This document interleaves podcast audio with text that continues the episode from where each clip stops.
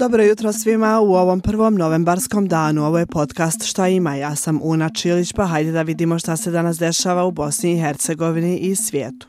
One, two, three, Predsjednica Evropske komisije Ursula von der Leyen posjetom Bosni i Hercegovini završava svoju turneju na Zapadnom Balkanu. U Sarajevu će se sresti sa članovima predsjedništva BiH, a potom i sa predsjedavajućem vijećem ministara Borjanom Krištom. Danas će predstaviti i 2 milijarde eura bespovratnih sredstava i 4 milijarde zajmova koje je Evropska unija osigurala za zemlje Zapadnog Balkana, uključujući i BiH. Uslov za dobijanje sredstava su unutrašnje reforme, a predstavnici vlasti u BiH predstavit će ono što je urađeno od njenog posljednjeg posjeta prošle godine. Matijas Nemec, slovenački zastupnik u Evropskom parlamentu i član odbora za pridruživanje između BiH i EU, o napretku kaže. Jer sad je bit No kako ići napred. Tu stvarno govorimo o zakonu o sudu, e, zakonu o pranju novaca. Su bitne pitanje oko početka razgovara za ovaj europski put e, za Bosnu i Hercegovinu.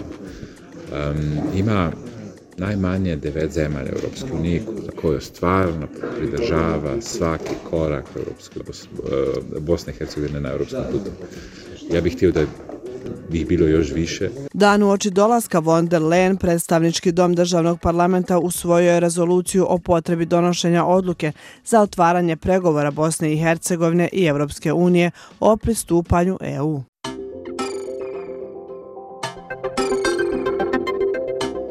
A kad smo već kod Evropske unije, samo da i ovo napomenem. Danas se obilježava 30 godina od kako je stupio na snagu sporazum iz Maastrichta, kojim je istvorena Evropska unija.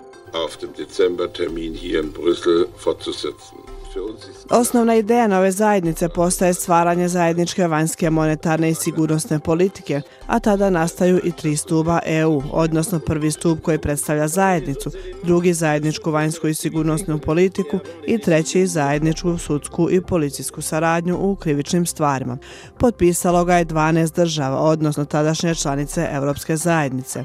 Od tada je još 16 država pristupilo Evropskoj uniji i prihvatilo odredbe ugovora iz Masrita ili ugovora koji su slijedili nakon njega. Osim Evropske unije i Evropski sud za ljudska prava danas obilježava 25 godina od osnivanja. I još par kratkih informacija. Na Palama se održava inkluzivni festival koji će okupiti inkluzivne ekipe iz sedam gradova BiH na sportskim igrama. Iz Udruženja za pomoć djeci i omladini sa poteškoćama u razvoju Sunce kažu da će na festivalu učestvovati ekipe Banja Luke, Tuzle, Bijeljine, Istočnog Sarajeva, Sarajeva, Bosanskog Petrovca i Brčkog. Organizatori festivala su grad Istočno Sarajevo, Udruženje Sunce i specijalna olimpijada BiH u saradnji sa Populacionim fondom Ujedinjenih nacija. One, two, three, to je ukratko od mene za danas. Sretan ostatak dana. Čujemo se neki drugi put. Ćao.